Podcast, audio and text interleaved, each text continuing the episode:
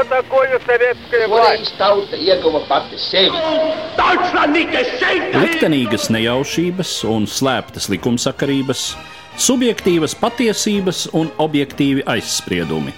Pēc atkušņa nekad nenāk uzreiz pavasars, bet sākās Arī šodien cilvēki ir ļoti tuvredzīgi. Viņi redz to naudu, kas ir. Televīzijā jau pamatā notiek cīņa par varu. Pagātne no šodienas skatu punkta un šodienas caur pagātnes prizmu. Raidījumā šīs dienas acīm.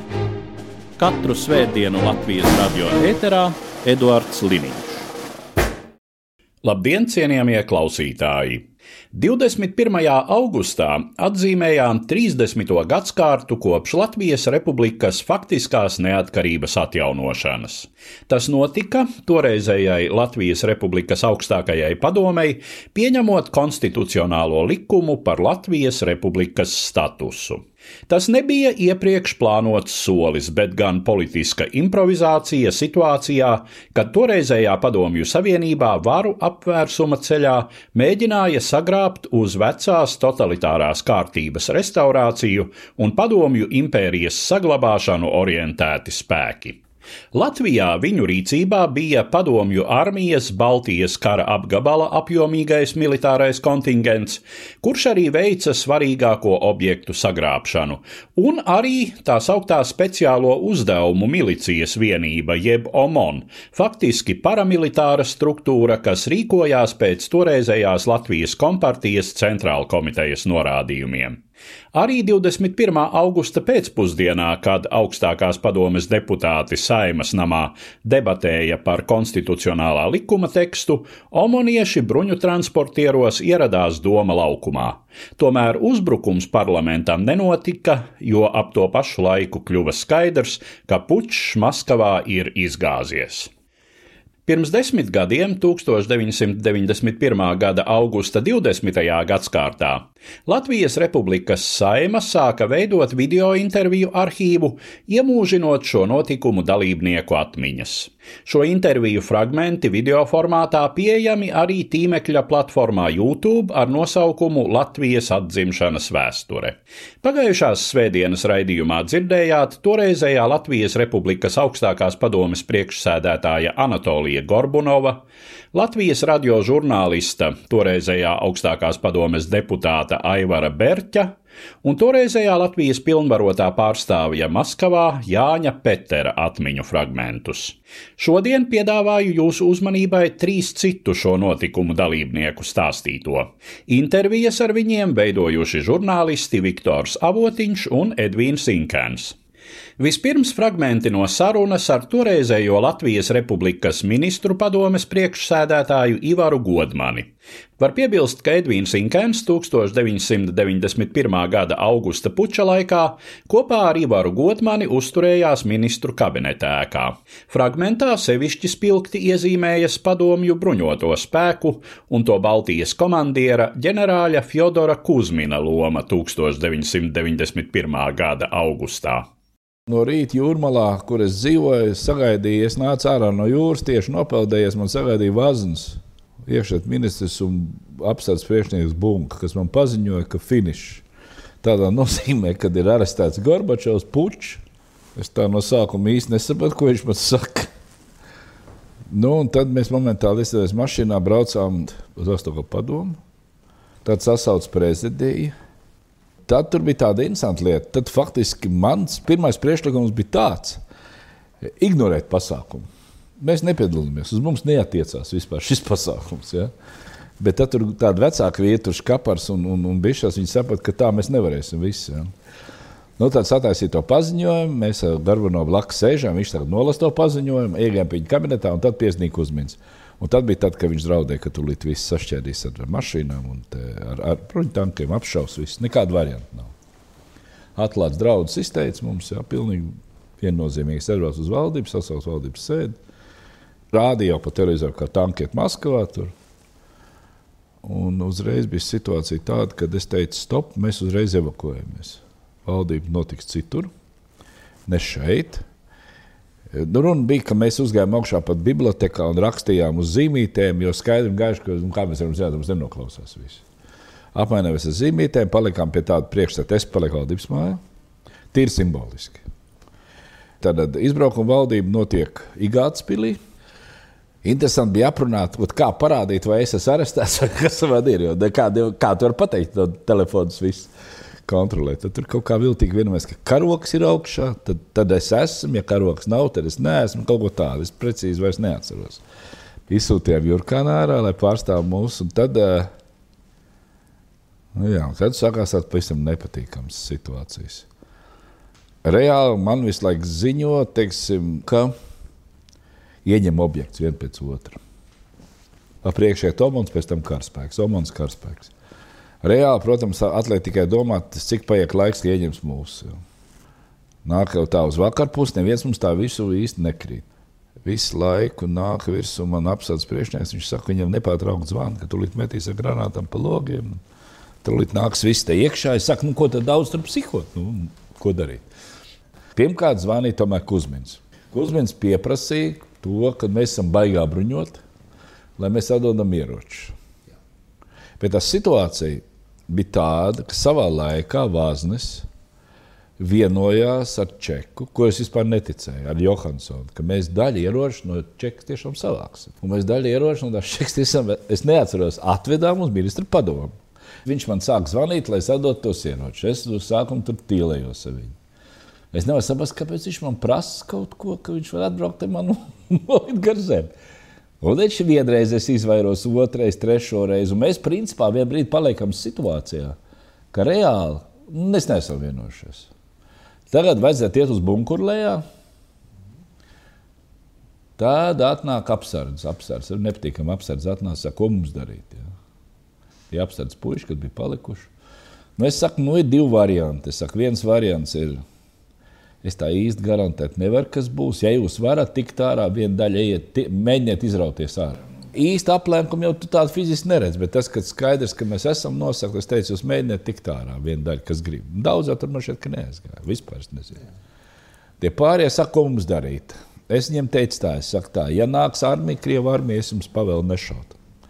Bet es teicu, ja nāks kāds cits, nu, teiksim, tu jau vienkārši uztaisīji tā kā kamuflāžu. Ja? Bet beigās nav krieva armija, ir kaut kāda atkal mistiska spēka, tad vajadzētu tā kā pretoties. Un tagad es jau gandrīz brājām lejā uz, uz bunkuru, zvanu tas Kuzmins atkal. Un nu jau ir vēls, kad viens vai cik pus viens. Nu labi, es saprotu, ka kaut kā man vēl jāvelk laiks. Es teicu, labi, vienosimies par kaut kādām 12 vienībām. Es esmu kaut kādas vienības figurēju visu laiku. Es nezinu, cik tā ieroči tur ir. Un tad tur sākās pilnīgs cirks. Mēs ar Edvinu sēžam, piebrauc tas bruņtransportieris. Tad neskapēc kaut kas izšauja. Es sēžu pie galda, Edvins sēžam pretī, viņš tā paskatās, kaut kā cilvēks atkāpjas, viņš saka, kokos, tu man saka. Nu, tajos, kas apstādījumi. Vairāk nekas nav. Nepaga. Ienāk pulkvedis. Nē, mēs priekšā aizsūtījām lejā taču. Jā, vīt, vīt, Vītols viņu sagaida. Nē, pa priekšu pa priekš mēs aizsūtījām bumbu. Tas pazuda. Augšā nenāk. Pēc kāda laika aizsūt, pēc tam nosūtām Vītolu lejā. Vītols augšā nenāk. Un tā kā nenāk viesnieks, tad es saku, tagad ejam mēs. Un tad mēs varonīgi dodamies pa tā trepēm lejā. Un cik mēs esam tur apsardzēti, Edits, mēs ejam tagad tur lejā. Un tajā laikā, tajā laikā skaidri gaiši izskatās šāviens. Un tad, cik tā augstākā tā ministra padome ir samērā tāda liela, tur skan tā baigi. Ja? Es domāju, nu, tad ir beidzot skaidrs, ka tagad dos virsū. Aizvadās tur viens kaut kā pārlādējis bierots. Ja? Nu, viens no apsardzes. Nojam lejā neviena nav. Paradoxāla situācija. Nav ne, ne bunks, ne, ne, nu, neviena nav. Paskatāmies pie tiem vārtiem, neviena nav. Pie šitiem viss apstāties aizlaidusies. Ja?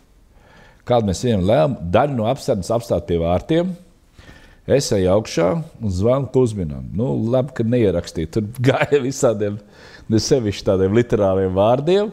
Un es viņam saku, ka viņš atdod mans cilvēks. Ja, viņš ir tā vietā, ka teiksim, mēs viņam esam nodevuši. Fiziski ir pazuduši divi cilvēki. Apsardzes priekšnieks un, un pirmais tas dieninieks. Jā, nu tie arī aizlaidās. Visam mašīna aizbrauc. Nē, dieninieks atgriezās atpakaļ. Dieninieks jau ir. Apsardzes priekšnieks saprot, ka iesēdās mašīnā un dragāja uz Latgālu prom kaut kur. Ja? Parādījās otrā dienā trijos man tikai. Ja? Varbūt piezvanīs vismaz. Nu, nebija mobilē. Labi. Nu, labi, nu tad beig, beigās tos cilvēkus noliekam. Es zvanu Kuzminam, tas zvēr, ka nekā nav. Un apgalvo, ka to darīja čeku. Jā, Tagad skaidrība nekāda nav. Viņš viņš tulīt, lai apliecinātu tam, ka nekā nav. Viņš sūtīs ģenerāli. Tagad es domāju, nu, atkal kaut kāda blēdība. Nāk ģenerālis, ņems mūs vēlreiz ciet.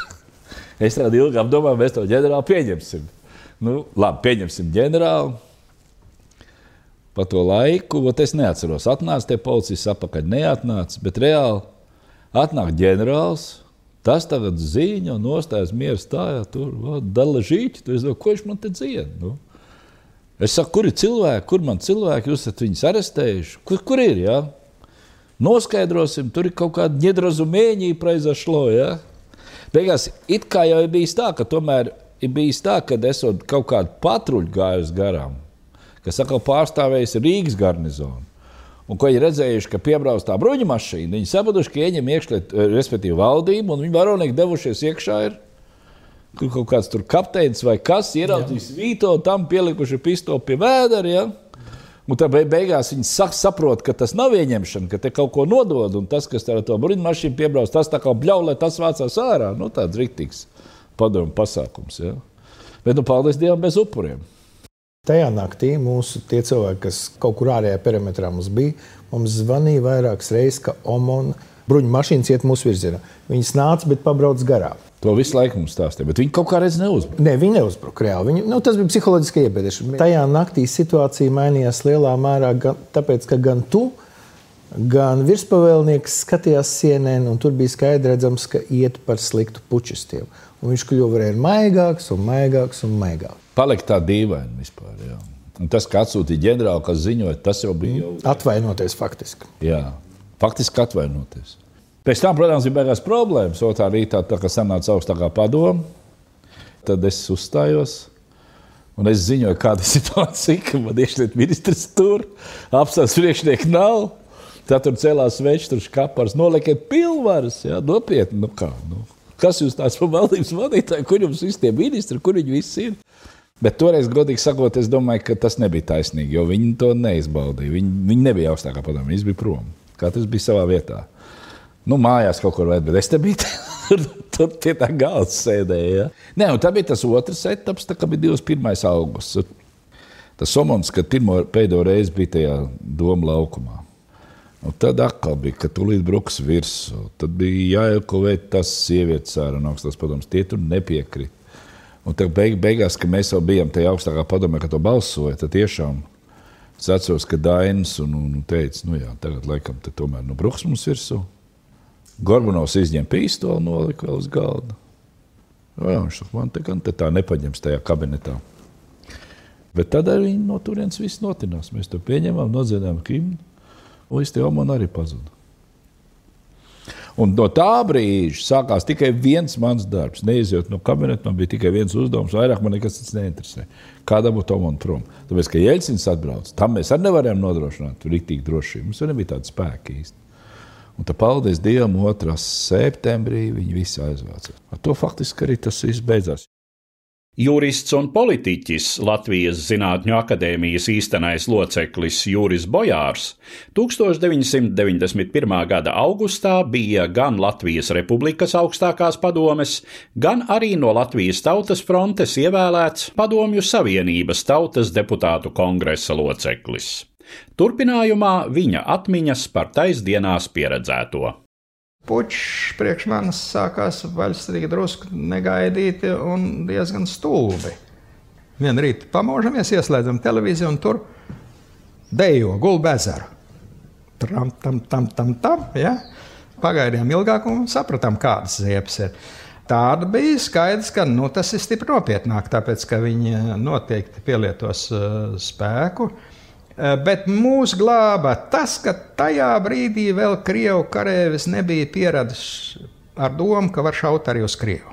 Tajā brīdī ar to tie reakcionāri izgāzās, jo patiesībā, ja paskatās pa visu to lielo impēriju, tad cik tad tie cilvēki bija uz tās ielas, tajā Maskavā, kur bija desmit miljoni iedzīvotāji? Puķis izgāzās uh, savas uh, muļķīgās organizācijas dēļ un neiedzīgo puķu līderu dēļ. Un tāpēc, ka bija cīņa par varu starp Jelcinu un Gorbačovu, pie Jelcina ļoti pārliecinošās darbības. Viņš bija darbības cilvēks. Viņš nebija filozofs, viņš runāja samērā īsi, bet enerģiski rīkojās. Ja? Viņš bija sportists jaunībā, liela auguma spēcīgs. Viņam bija ļoti liela autoritāte Krievijā. Un pamatā to PSRS sagrāva šo divu personību cīņa par varu, kurš pārņems varu impērijā Un tas izdevās Jēlcinam pietiekami sekmīgi un pārliecinoši. Gorbačovs viņš ar vienu rokas vēzienu dabūja nost. Gorbačovs bija atbraucis uz Krievijas augstākās padomus sēdi, un Jeļcins viņam piebāza pie deguna vienu papīru. Gorbačovs paskatījās un nelasīja. Tātad tas bija kaut kas, es domāju, kaut kas tāds, kas atmaskoja, ka Gorbačovs stāvēs puču. Par ko liecināja vēlāk visi tie paši līderi. Ģenerālis Jāzaus un Kručkovs, kurus visus tur arestēja, tie teica, bet Gorbačovs visu zināja. Būtu jau naivi domāt, ka rietumnieki ar spēku mums būtu palīdzējuši nekādā ziņā. Viņi nebūtu iesaistījušies ar PSRS militārā konfliktā nekādos apstākļos, manuprāt. Bet šajā gadījumā, kad visā lielajā impērijā veikali bija tukši un ēst nebija ko, tad bija skaidrs, ka ar tādām metodēm vairs rīkoties nevar. 19. kad tu aizgāji uz augstākā padomu, kāda tur bija emocionāla atmosfēra? Un, un situācija bija diezgan, nu, es negribu nosaukt vārdus, un viss, bet viens deputāts tas tur saplēsa savu mandātu. Nu, bija mums tur cilvēki ar vājiem nerviem un aizgāja, un es te vairs atpakaļ nenāku šitai atmosfērā un tā. Tagad tur visādas situācijas bija, un arī aiz kā teikt, oficiālās scēnas viens otrs tur bija prostrācijā ar vienu otru atbildīgu personu. Es nemelošu, es tad prasīju, lai beig beigās dod mums ieročus, ka mēs vismaz godam varam iet bojā. Nebija, nebija nekādu šaubu, ka viņi var lietot ieročus pret mums. Ja viņi šāva pa Krievijas augstāko padomu cilvēku mīļie, nu, kāpēc tā viņi nešautu pa mums? Ja? Tad nu, vismaz es, es labi šāvu, godvērts. Es visu mūžu esmu bijis mednieks no puikas kājas. Ja? Ja es būtu varējis vēl iešmugulēt savu sniperu šaujamo iekšā, brauningu, ja, garo, nu, tad es tur no tiem bruņtransportieriem būtu viena daļa tos amoniešus nolasījis. No godvārds. Ja būtu ļāvuši, es būtu nolasījis. Bet nedēļā mūs apsargāja tajā laikā divi plikpauraini maziņi milicīši. Un tikai kad jau tas puķis jau bija ritīgi tā ieša, tad jau atbrauca Bauskas miliču mūs apsargāt. Un tie bija nopietni latvieši tādi. Tie bija noskaņojušies, ja kas tad viņi tur tā. tā Maskava bija tikai divas dienas puķis rokās. Un tad pie varas nāca Jēlcins. Un tā mēs aiznesamies atkal mūsu komandu uz Maskavu, lai gan Krastiņš bija panācis, ka mēs nedrīkstam tur būt Maskavā. Bet mēs saprotam, ka jāizdara viena lieta, jāizklapē ciet PSRS uz necelšanos. Lai pietiktu balsu skaita tā kongresa slēgšanai. Kongresa slēgšana nozīmē PSRS izzušanu. Un tas bija labi, ka mēs par to nobalsojam. Lai gan tā krastiņa komanda, visi tie pārējie LNK, ka mums nav ko tur ko darīt. Nu, es nezinu, vai tas būtu bijis pareizi. Tā demokrātiski PSRS izbeidzās un nesākās vairs. Ko tu būtu darījis, ja puš būtu uzvarējis? Emigrējis, palicis te. Tas tev baigi viegli skan emigrējis. Tādā apstākļos, ka viņi tomēr kontrolē to robežu. Ja? Nē, ne, bet pieņemsim, viņi būtu uzvarējuši, viņi būtu tev piedāvājuši. Vācijas prom nu, tad nebūtu cita izēja. Viņiem bija patiesībā proskripcijas, kas bija jāpaņem noteikti ciet. Turklāt visām ģimenēm. Tā, tā mums pateica Maskava, ka viņiem ir saraksts, kuri ir jāņem cieta visām ģimenēm, jā, iznīcināšanai. Nu, mums jau dīvainā kārtā arī tā, arī mēs neredzējām tos papīrus, ko tai cekā dabūja cieta. Centrāla komitejā tur bija liela papīra dedzināšana. Tur jau bija Rubiks. Rubiks tajā laikā, man liekas, bija pilnībā vājprāta stāvoklī pēc savas psihiskā stāvokļa. Tā kā lieta bija ļoti, lieta bija ļoti nopietna. Indulis Bērziņš, vēsturnieks, politiķis un diplomāts, šobrīd Latvijas Republikas vēstnieks Lietuvā, 1991. gada augustā bija augstākās padomes deputāts un, protams, tais izšķirošajās dienās uzturējās tagadējā saimas namā Vecrīgā. Turpinājumā viņa skatījums uz to dienu notikumiem. Par puča sākumu es uzzināju, atrodoties Lubānas ielas tā saucamajā deputāta mājā, ieslēdzot televizoru. Ieraudzīju, ka rāda gulbi ezeru, nu skaidrs, kaut kas ir noticis. Ja padomju laikā tas parasti eh, saistījās ar kāda kārtējā ģenerālsekretāra nāvi, tad šajā gadījumā situācija bija daudz nopietnāka. Pēc janvāra notikumiem un pēc tā, ka praktiski jau vairākus mēnešus kulāros, kā mēs tagad sakām, ir starp cilvēkiem, kas cīnījās par Latvijas neatkarību, un tā tad arī starp tiem, kas bija pret Latvijas neatkarību, tika runāts par šādu vardarbīgu iespējamu risinājumu. Tas ir, ka visi šie demokrātiskie procesi, perestroika, glasnests, Gorbačova uzsāktie demokrātiskie procesi, ja pareizāk sakot, kopējās ekonomiskās un politiskās situācijas piespiestie tiktu vardarbīgi pārtraukti, par to jau tika runāts. Nu, skaidrs, ka Tas varēja būt tikai puķis, un kad es uzzināju, ka tas tiešām ir puķis, pirmā lieta, ko es izdarīju, es nu, aizsūtīju uz laukiem mm, savus divus mazus bērnus, jo es zināju vienu, ka nu, sākumā var arī nearestēt. Sākumā var vienkārši nošaut uz vietas. Un pats es, protams, devos uz parlamentu, tobrīd tātad augstāko padomi, un Rīgas centrā es pavadīju visu laiku, dienas visas no agrā rīta līdz vēlam vakaram augstākajā padomē. Attiecīgi naktis turpat vecrīgā, kur pārgulējām vecrīgā. Mēs mēģinājām iegūt visu iespējamo informāciju par to, kas notiek Padomju Savienībā, pirmkārt Maskavā un Ļeņingradā. Jo mums tobrīd bija skaidrs, ka notikumu attīstību noteiks tas, kas notiek tur. Nevis atšķirībā no janvāra dienām, tas, kas notiek Rīgā, Tallinā vai Viņā. Jo, ja kopējais vēstures rats, kas virzījās manā uztverē kāds arī bija pareizajā virzienā, tiktu apturēts, tad griešanās atpakaļ būtu ļoti asiņaini. Vienkārši citas iespējas nebija. Un skaidrs, ka to apturēt nevarēja Baltijas valstis. Mēs varējām vienkārši godīgi izdarīt to, kas mums bija jādara. Tas ir mums vajadzēja gandrīz jāatceras Kārlis Umanis, bija jāpaliek savā vietā, un tur mēs arī bijām. Es zinu, ka bija cilvēki, kā piemēram Dienēvičs un vēl daži, kas uh, pat naktis pavadīja parlamentā. Ne tikai janvārī, kad mēs visi to darījām, bet arī augustā. Aicināt cilvēkus aizsargāt augstāko padomu tobrīd bija bezjēdzīgi. Bija skaidrs, viens, ka tas izraisītu tikai vēl lielāku asins izliešanu. Jo, ja centrālā vara ietu uz brīvības kustību apspriešanu ar vardarbīgām metodēm, tad, protams, viņiem bija tanki, viņiem bija automāti un, un tur cilvēki kas vienkārši nostātos viņiem pretī, tiktu noslaucīti, iznīcināti. Tā ir bijis eh, daudz kur citur pasaulē. Tāpēc tas arī netika organizēts. Augstākā padome sākumā, protams, bija neziņa, neizpratne, kā jau teicu, šīs informācijas vākšana par to, kas notiek citur. Tā skaitā klausoties Amerikas balss, klausoties BBC, citas radiostacijas. Praktiski vienīgā informācija, kas tobrīd bija pieejama, bija caur rietumu radiostacijām, vairāk vai mazāk tāda ticama informācija. Un šī sakarā bija ļoti svarīgi katrs informācijas gabaliņš, kas liecināja par to, ka šī pretošanās, šī režīma konvulsijas liecina par to, ka virzīšanās atpakaļ tomēr nav iespējama. Man liekas, ka svarīgākais bija, un to mēs sapratām augstākā padomē, vismaz liela daļa no tiem deputātiem, kas uzturējās augstākā padomē, ka svarīgākais ir pieņemt lēmumu par pilnīgu neatkarības atjaunošanu. Un šī pēdējā izšķirošajā dienā, kad šis lēmums tika pieņemts, Par viņu bija nopietnas diskusijas gan darba grupā, gan pēc tam diskusijas eh, jau pašā parlamentā. Manā uztverē augstākajā padomē, parlamentā notiekošās diskusijas lielā mērā bija loģiskas. Galu galā parlamentārieši ir tāpēc, lai diskutētu.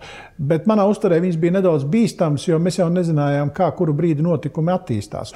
Abu iespējamo scenāriju gadījumā, gan ja uzvar pučisti, gan ja pučisti zaudē, bija ļoti svarīgi pieņemt šādu lēmumu par pilnīgu neatkarības atjaunošanu. Par to, augstākā padome, tautas ievēlēts parlaments.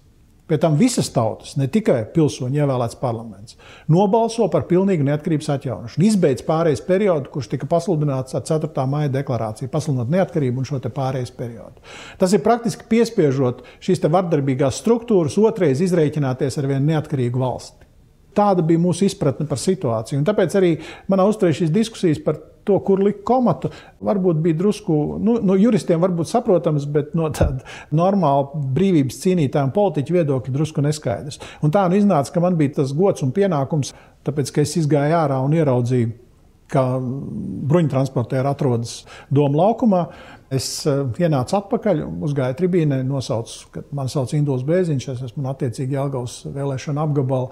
Un uh, tā kā tuvu pie parlamenta doma laukuma atrodas bruņu mašīnas un uh, karavīri, mums nav tik daudz laika, un tāpēc aicinu nobalsot par šo dokumentu, ļoti vajadzīgo dokumentu visos lasījumos, 1, 2, 3, pieņemt viņu un, attiecīgi, lai šis dokuments būtu pieņemts un lai vismaz tie cilvēki, kas atrodas tūmā, es lietoju šos vārdus, uzzina par to, ka mēs šo dokumentu esam pieņēmuši. Un, ja to zinās pēc iespējas vairāk cilvēku, tad zinās arī visa pasaule. Tas man likās svarīgi, un tā, tā šis dokuments tika pieņemts lielākajai daļai balsojot, kas atradās vietās un bija reģistrējušies ar pogām. Dažiem cilvēkiem, tā skaitā man, jo es biju tribīnē un pēc tam atgriezos pie savas vietas, balsojot, paceļot roku, kas bija normāli normāla augstākās padomas prakse. Uz to brīdi es vismazāk domāju par kā tas paliks vēsturē. Pēc tam dažreiz es to esmu nožēlojis, jo es tiku apvainots bez mazliet, ka neesmu balsojis par neatkarību. Kaut bija tas, kas, nu, nekautrēšos teikt, piespieda zināmā mērā, ja ļoti pātrināja deputātu balsojumu, otro balsojumu par neatkarību. Tas bija pareizs solis. Kā jau teicu, tas bija pareizs solis tajos apstākļos, jebkurā gadījumā. Tie svaru kausi varēja nosvērties gan vienā, gan otrā virzienā. Mēs gribējām neatkarīgu Latviju. Un izējot no šīs pozīcijas, arī pieņemt šo lēmumu, ja Puķis būtu uzvarējis, viņš būtu pareizs lēmums. Un, uh, ja viņš zaudēja, tad viņš bija pat ļoti pareizs lēmums. Ja Puķis būtu uzvarējis, vai tu būtu pieņēmis uh, priekšlikumu emigrēt? Ja Puķis būtu uzvarējis to brīdi, es nedomāju, ka kādam tāds priekšlikums tiktu dots. Protams, var, mēs varam domāt par tādu pozitīvāko variantu, ka, lai nebūtu visi neatkarības piekritēji jāiznīcina, piemēram, nu, viņiem tiktu piedāvāts uh, laisties projām. Bet um, man liekas, ka bija pietiekoši daudz cilvēku, pučistu vidū. Es nenāju pat pašiem tiem galvenajiem, kas tur sēdēja trīcošām rokām pie galda. Bet kopumā to vidū arī šeit, Latvijā, kas būtu izmantojuši to vienkārši, lai izreikinātos. Tā kā es pat nezinu, vai tāds variants tiktu piedāvāts. Katrā ziņā man nebija atpakaļ ceļa, lai es atkal sāktu sadzīvot ar to režīmu, kā es to darīju līdz 80. gadu vidum. Tādu atpakaļ ceļu es neredzēju. Tā kā es domāju, ka tur bija divi varianti. Labākais, ko tu saki, kad varētu tikt prom, bet sliktākais, ka neviens mani prom nelaist. Es personīgi uz to brīdi man likās, ka tas ir vienīgais variants, ka neviens mani prom nelaist. Un tad bija jautājums tikai par to, vai tas ir ātri un, un pēc iespējas mazāk sāpīgi, ja tas ir ilgi un cietums. Līdz ar to izskan mūsu raidījums, kurā dzirdējāt fragmentus no intervijām ar 1991. gada augusta notikumu dalībniekiem. Toreizējo Latvijas Republikas ministru padomes priekšsēdētāju Ivaru Godmani un toreizējiem Latvijas Republikas augstākās padomes deputātiem, vēsturnieku, politiķu un diplomātu Induli Bērziņu un juristu un politiķi Juri Bojāru. Intervijas tapušas pēc Latvijas Republikas saimas iniciatīvas. Intervētāji - žurnālisti Viktors Avotiņš un Edvīns Sinkēns. Uzredzēšanos cienījamie klausītāji! Katru svētdienu Latvijas radio viens par pagātni sarunājas Eduards Liniņš.